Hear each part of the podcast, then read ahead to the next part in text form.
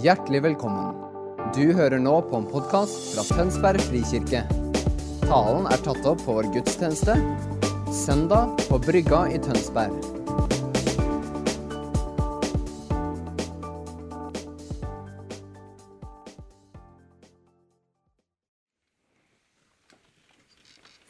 Det er vanskelig å begynne en plass etter at vi har fått lov til å være innenfor Gud på denne måten, og vi merker at Jesus begynner å gjøre noe, og dere responderer på at dere tar imot det han inviterer til.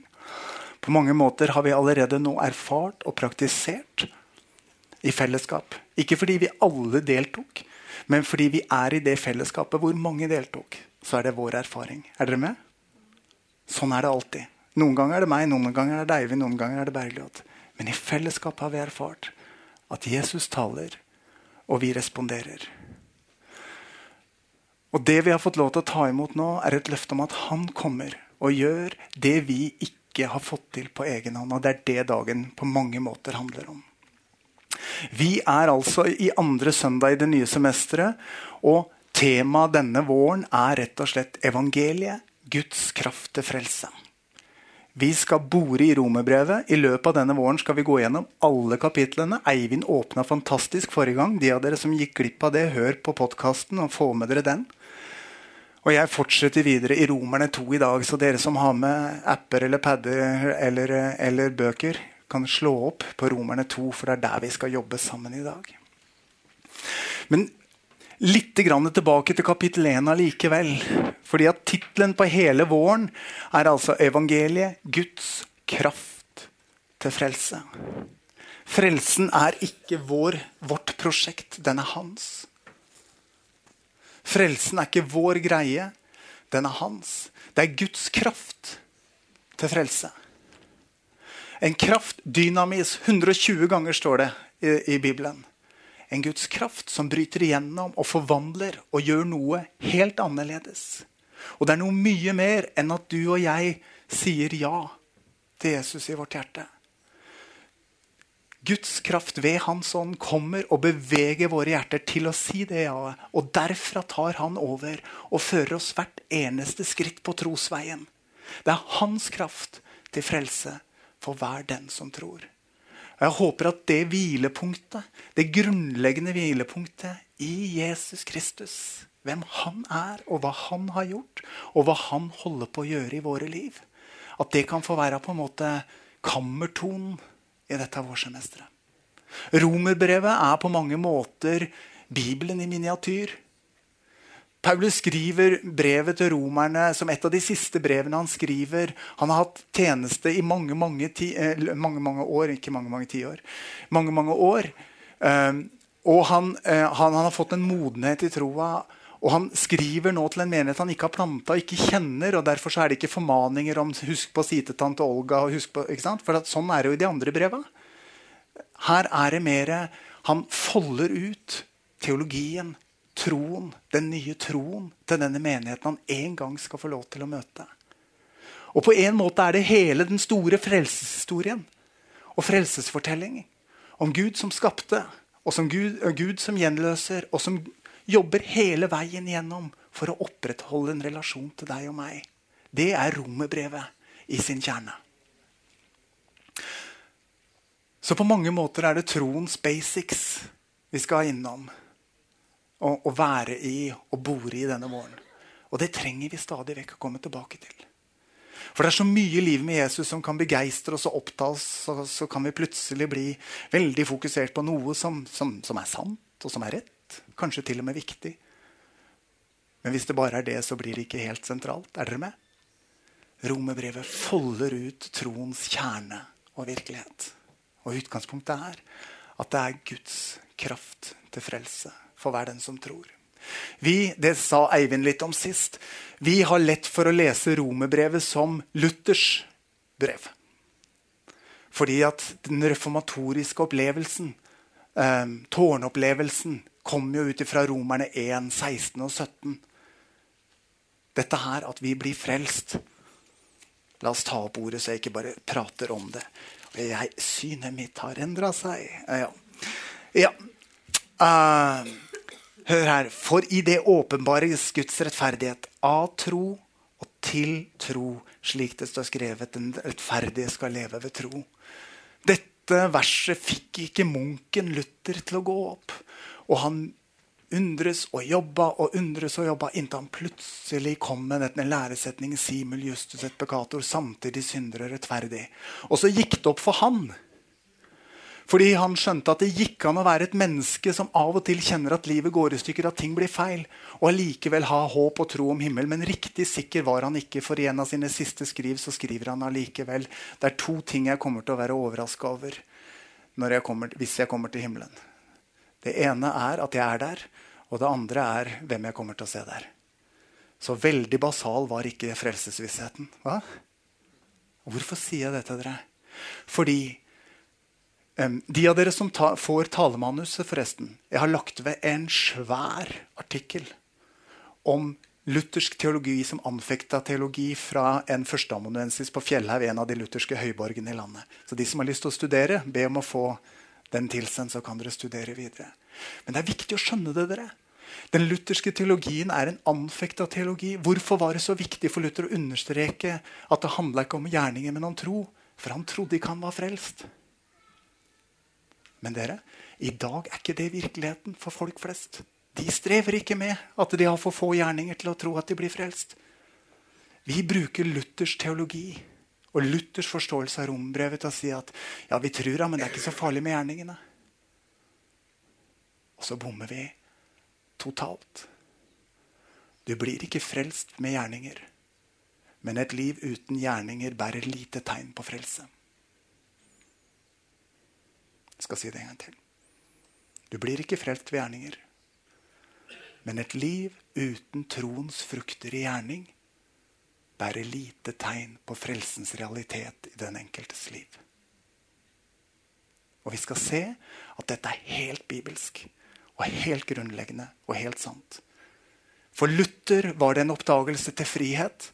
For ettertida, for vår tid, jeg er stolt av å være lutheraner, men jeg er lei meg for at vi har misbrukt hans arv til å ta lett på livet og etterfølgelsen og lydigheten. Og satse på billig nåde. For dere, billig nåde fører ikke til frihet. Det fører til nytt fangenskap. I dag har Jesus sagt til frihet har jeg frigjort dere. Og min bønn denne dagen er at han skal få ta oss i handa, gamle og unge, og løfte oss opp av hva enn det måtte være som er vår gjørme og etter mange år som pastor så er det min erfaring at enten du har gått med Jesus i ti uker eller 50 år, så er det stadig vekk en eh, gjørme-sølepytt som vi står fast i. Det kalles livet. Hva? Hmm. Inn i Romerne 2. Jeg leser på nytt dette, dette avsnittet som vi, som vi har hørt allerede.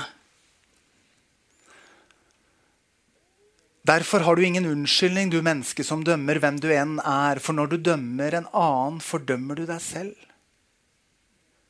Du som dømmer, gjør jo det samme selv, og vi vet at Guds dommer etter rammer dem som driver med slikt. Men når du, menneske som dømmer dem som gjør slikt, og selv gjør det samme, mener, du, mener du at du da skal slippe unna Guds dom? Eller forakter du Guds uendelige godhet, overbærenhet? og tålmodighet. Skjønner du ikke at Guds godhet driver deg til omvendelse? Guds godhet gir deg ikke tillatelse til å leve lurvete og uredelig. Guds godhet driver deg til omvendelse. Kaller deg til et hellig liv. Til et liv du og jeg ikke får til, men som vi kan få lov til å ta imot. Og Vi trenger å jobbe litt med akkurat disse versene denne formiddagen dere, for å få det på greip. For hvis vi går i billig nåde, så sier vi at nåden er nok til at vi aldri kan falle ut av den, uansett hvordan vi lever. Og det er sant ifra Guds side. Men det er sannelig ikke sant ifra menneskets side. For jeg har sett mennesker som aldri ble kasta ut av nåden, men som valgte å gå bort fra nåden fordi hjertet ble hardt og sjela ble mørk. Og så mista vi grepet. Gud dytta aldri noen bort. Han fornekter ikke seg selv. Om vi enn er troløse, så er han trofast. Men vi kan føre livet vårt på en sånn måte at vi tillater det som ikke er godt og ikke er rett. Og så blir hjertet hardt og sjela mørk. Og hvor den grensen går, dere, det vet verken du eller jeg. Og det er ikke den veien Jesus har valgt for oss. Er dere med? Nå starter jeg litt tungt. Jeg kjenner det. Det koster litt å si det.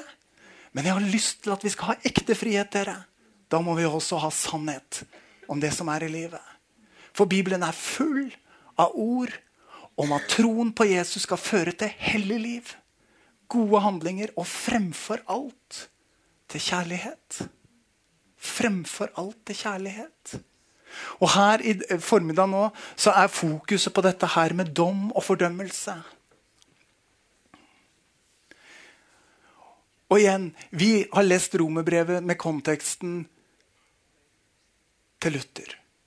Men den virkelige konteksten for dette brevet er at Paulus snakker til en menighet hvor det fins jødekristne og hedningekristne. Det fins en gjeng som har holdt på med troens saker lenge. Og Så kommer en hel haug med nye folk som aldri har drevet med troens saker. Og de påstår at de har samme greia som som har, vi som har holdt på med det lenge. Er dere med? Vi snakker om den gamle pakt og den nye pakt. Og hvordan skal dette gå sammen? Og det er det Paulus prøver å formane til. Og hva er det som skjer her? Jo, de som hadde loven, de fordømmer så det suser, disse hedninge kristne. Ikke har de skåret seg der de skulle, og ikke gjør det de burde. Skjønner du? Det er bare gæli.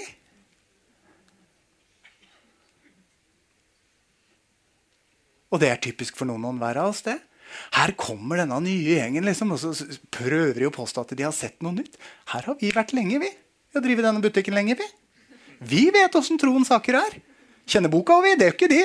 Masse kjærlighet, liksom. Kan ikke sitere et ord. Kjenner dere den holdningen? Den er ikke fra Tønsberg frikirke, den er universell. Den fins overalt. Og inn i dette er det Paulus formaner oss, og så sier han Ikke døm. For når du dømmer, så fordømmer du deg selv. Nå skal vi se litt på det bibelske grunnlaget for det. En referanse for dere som noterer og jobber, er Matteus 18. Dere, Hvis vi ønsker å leve i nåden, hvis vi ønsker at Guds fullkomne nåde skal gjelde for våre liv, så må vi la den gjelde også i relasjon til de rundt oss. Det er ikke mulig for oss å leve i nåden og ta imot tilgivelsen og samtidig felle dom mot de rundt oss. Da trer vi ned på et annet nivå. Vi kan ikke velge både lovens og nåden. Vi kan ikke velge både den nye og den gamle pakt. Og Det er dette han sier til de nei, jødekristne. Dere kan ikke holde fast i den gamle pakt lenger. Det er ikke det at pakten er opphevet. Jesus kom for å oppfylle loven, han ikke for å oppheve den. Og Jesus er den lovens oppfyllelse. Han er den fullkomne oppfyllelsen og den eneste som klarte å leve den fullstendig. Og som har gitt oss den uten fortjeneste. Og Det er derfor vi sier at vi er rettferdige. Ikke fordi vi får det til, men fordi han fikk det til og har gitt oss sin fortjeneste. Dette er basisen vår. Og allikevel, dere, hvis dere leser Message-utgaven på den teksten som vi er i i dag, så står det hver gang du kritiserer noen andre.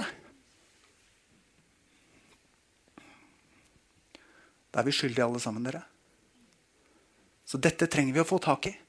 Det er ingen av oss som kan si at dette passerer meg. Jeg er good på dette området. Hver gang jeg kritiserer en annen, så velger jeg lovens premisser fremfor evangeliets og nådens premisser. Hvilken lov vil du, hvilken pakt vil du skal gjelde for deg? Du kan ikke velge begge. begge. Du må velge en av de. Velger du loven, så er det fint, det, sier Guds ord. Men da må du følge den. For du kommer til å bli prøvd på og dømt på den. Se i vers 16 i Romerbrevet 2. Dette skal bli klart den dagen Gud ved Jesus Kristus dømmer det skjulte i menneskene. Og De som syns det er litt uggent å lure på om det er helt sant, kan ta med seg andre kor.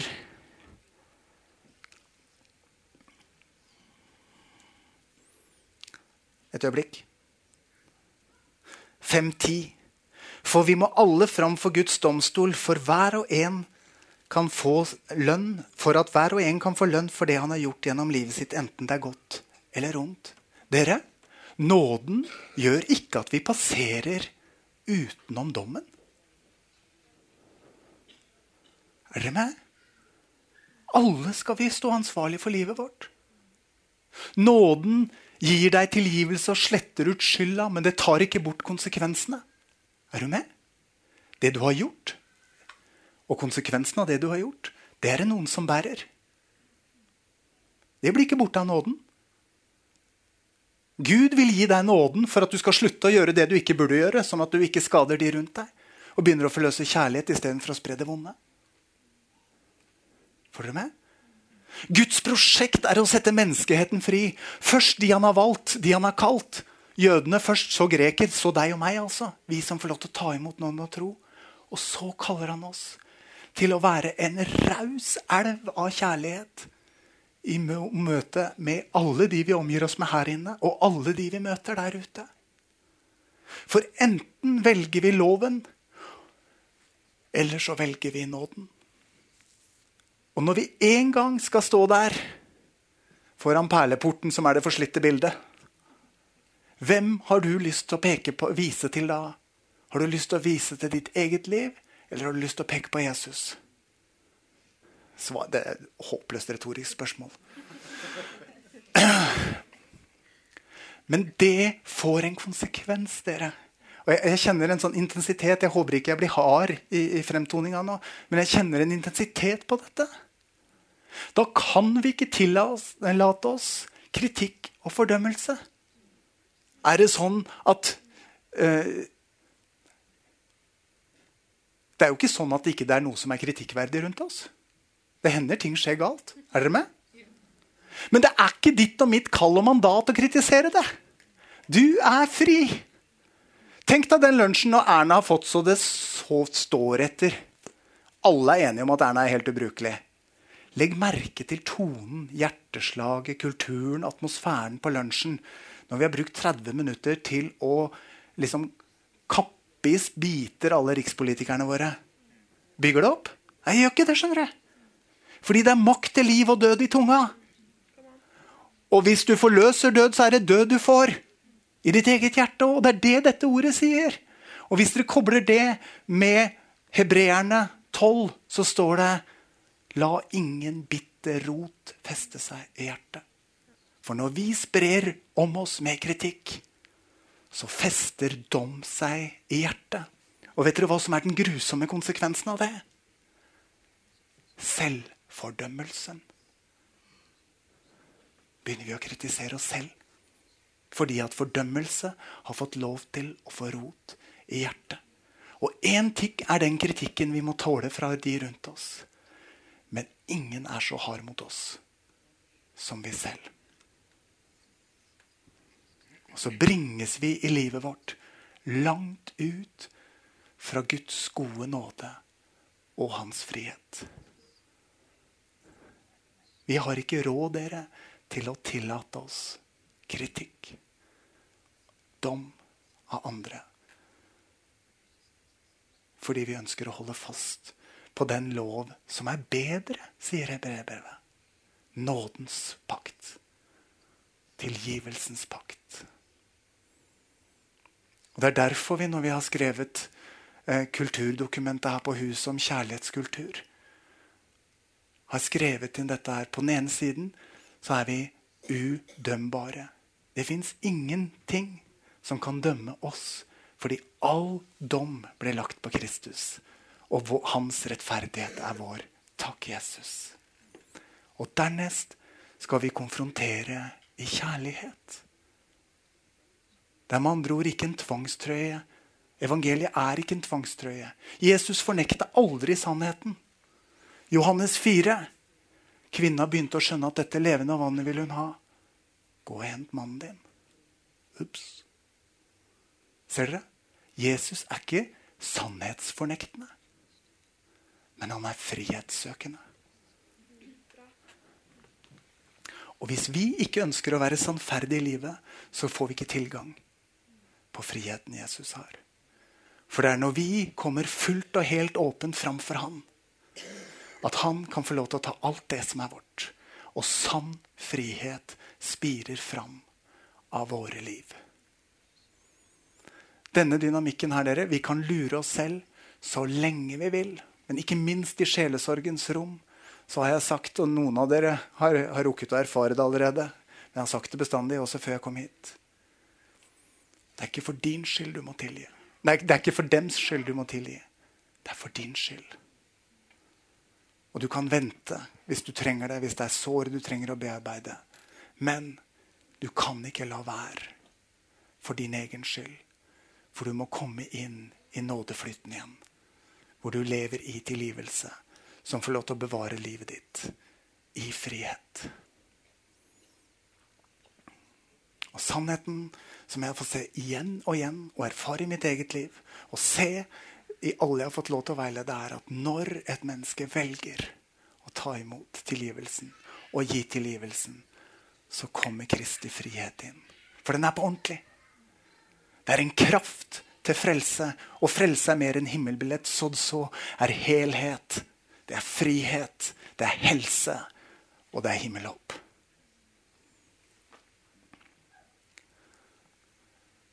Så derfor dere, ser dere at dette ordet er kjempeviktig å skjønne og få på greip. Når vi dømmer andre, så leder det oss inn i selvfordømmelse. Og vi rammes fordi vi velger lovens premisser istedenfor nådens premisser. Og Gud i sin godhet kaller oss til å vende om. Gud i sin godhet inviterer oss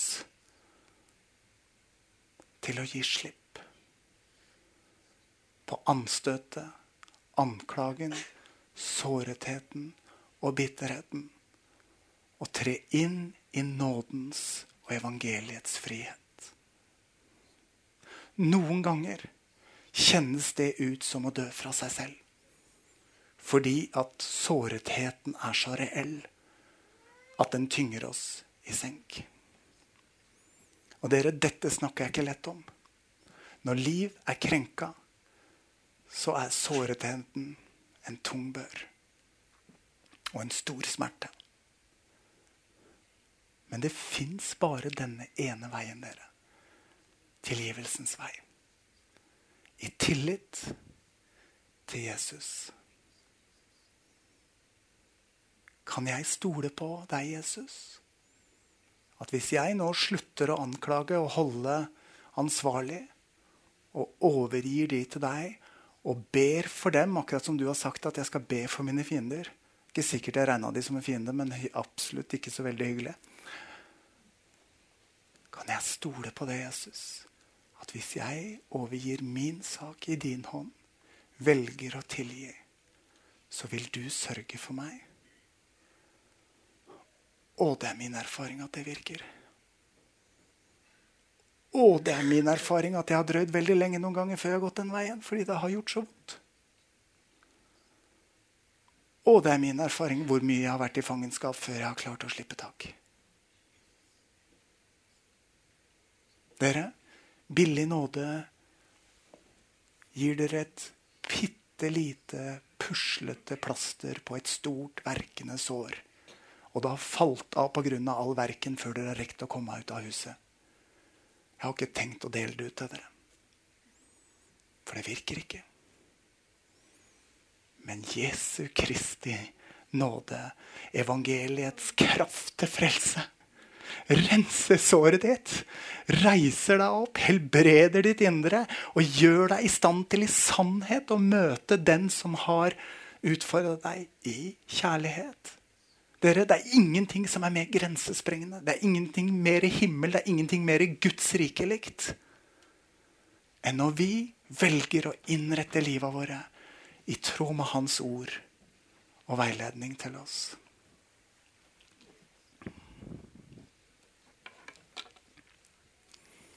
Jeg skal gå mot avslutning.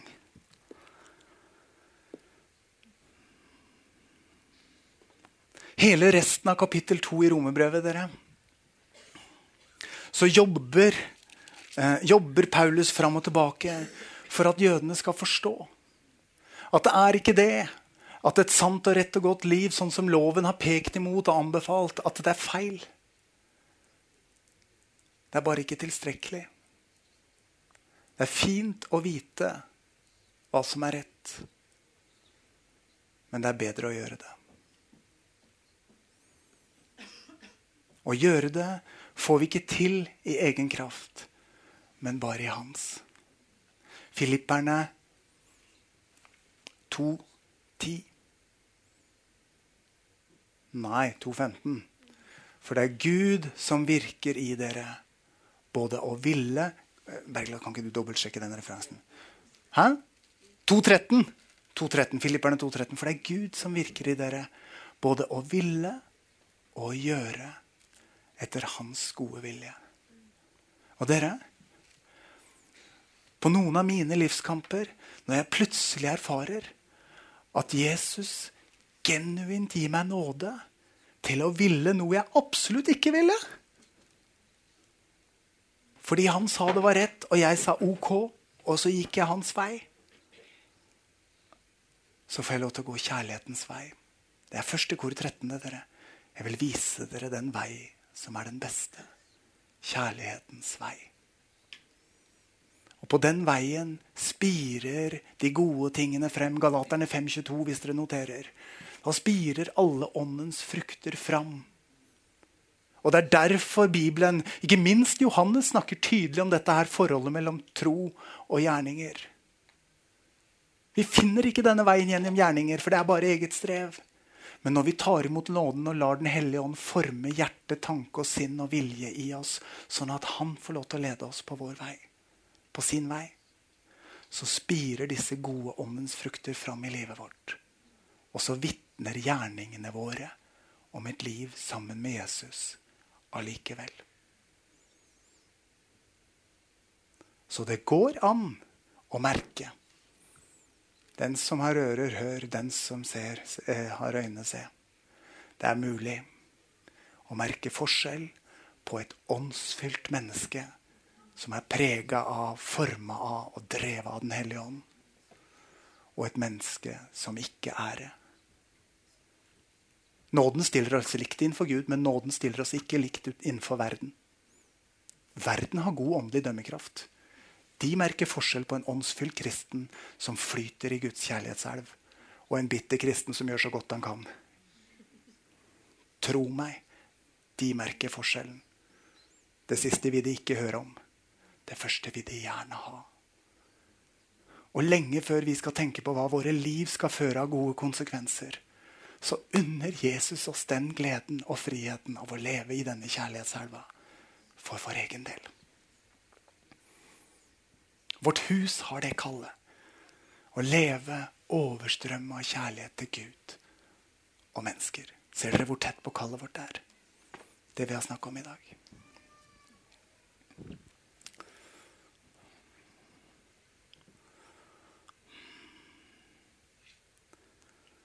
Så dere, omvendelse er ikke et nederlag for oss som tror. Omvendelsen er seiersveien vår. Det handler ikke om hva vi vender oss fra, men hva vi vender oss til. Og fordi Luther hadde så visst sant i at det gode og det ikke fullt så gode lever side om side i våre liv, så må vi stadig på nytt igjen velge Jesus. Alt for Jesu fot jeg legger. For hvis ikke, så ligger alt ved Mortens fot stadig vekk. Sånn er det. For deg òg. Derfor er omvendelsen frihetsveien. Tilbake til deg, Jesus. Jeg stoler på deg, Jesus, med mine talenter, ressurser og muligheter. Og jeg stoler på deg med mine utfordringer, nederlag og smertepunkter. Og så vil jeg høre når du taler, og jeg vil gå når du leder. I tillit til at det du sier, er mer sant enn det jeg tenker, forstår og føler. Den tilliten skal du ikke gi til noe menneske, men til Jesus skal du våge den. Tross aldri deg selv pga. et annet menneskes råd. Men tross gjerne deg selv pga. Jesu tiltale. For han er veien og sannheten og livet. Hmm. Lovsangstimen kan komme opp. Vi skal være i en sang nå, og så blir det mulighet til forbønn etterpå. Og jeg har lyst til å si til dere, enten dere har gått med Jesus hele livet, eller dere er ganske nye på veien, eller noe midt imellom Jeg har lyst til at du spør deg selv helt oppriktig er det på tide å vende om. Er det på tide å vende om fra retten til å anklage, retten til å bebreide? Er det på tide å vende om fra egenrettferdighet som blir til selvforakt og rot i, i bitterhet og fordømmelse? Er det på tide å vende om? Og si Jesus, jeg overlater meg og mitt, og jeg stoler på deg. Jeg velger nåden for mitt eget liv og for andre. Gud, se i nåde til meg.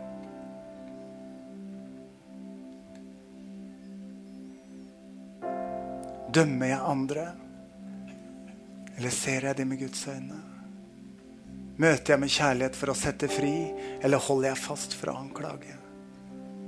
Hva er det jeg trenger å legge av meg hos Jesus og be om nåde til å få gå ut av Tønsberg frikirke i dag uten å ta med meg mer?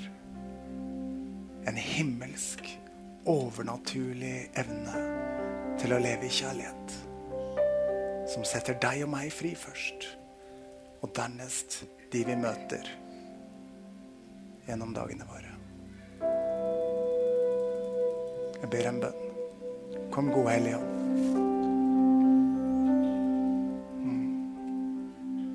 Takk, gode Hellige Ånd, for at du er den som bare både overbeviser om synd og rett og dom. Du er den som overbeviser hjertet vårt. Herre, vi ber, la oss få lov til å gå på frihetsveien. Hellige Ånd, lys opp vårt indre og vis oss hva vi må legge av for å komme fri. Og Jesus, lær oss å ta imot kjærligheten først. Det er vanskeligere enn å gi. Lær oss å ta imot kjærligheten først. Og fyll våre hjerter med din fullkomne kjærlighet. Så vi vet at vi vet at vi vet. At vi er elska betingelsesløst. Og dernest Jesus. Form og preg og led våre liv. Så de enda stadig mer kan vitne om din godhet, din kjærlighet, din herlighet og din makt. Vis oss, Herre, hvilket bytte du vil at vi skal gjøre denne formiddagen. I Jesu navn. Amen.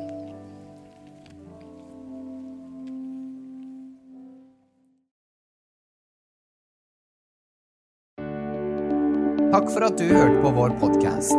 Har du spørsmål eller ønsker du å vite mer? Søk oss på vår nettside tonsbergfrikirke.no. Du er også velkommen til kirke på Brygga i Tønsberg.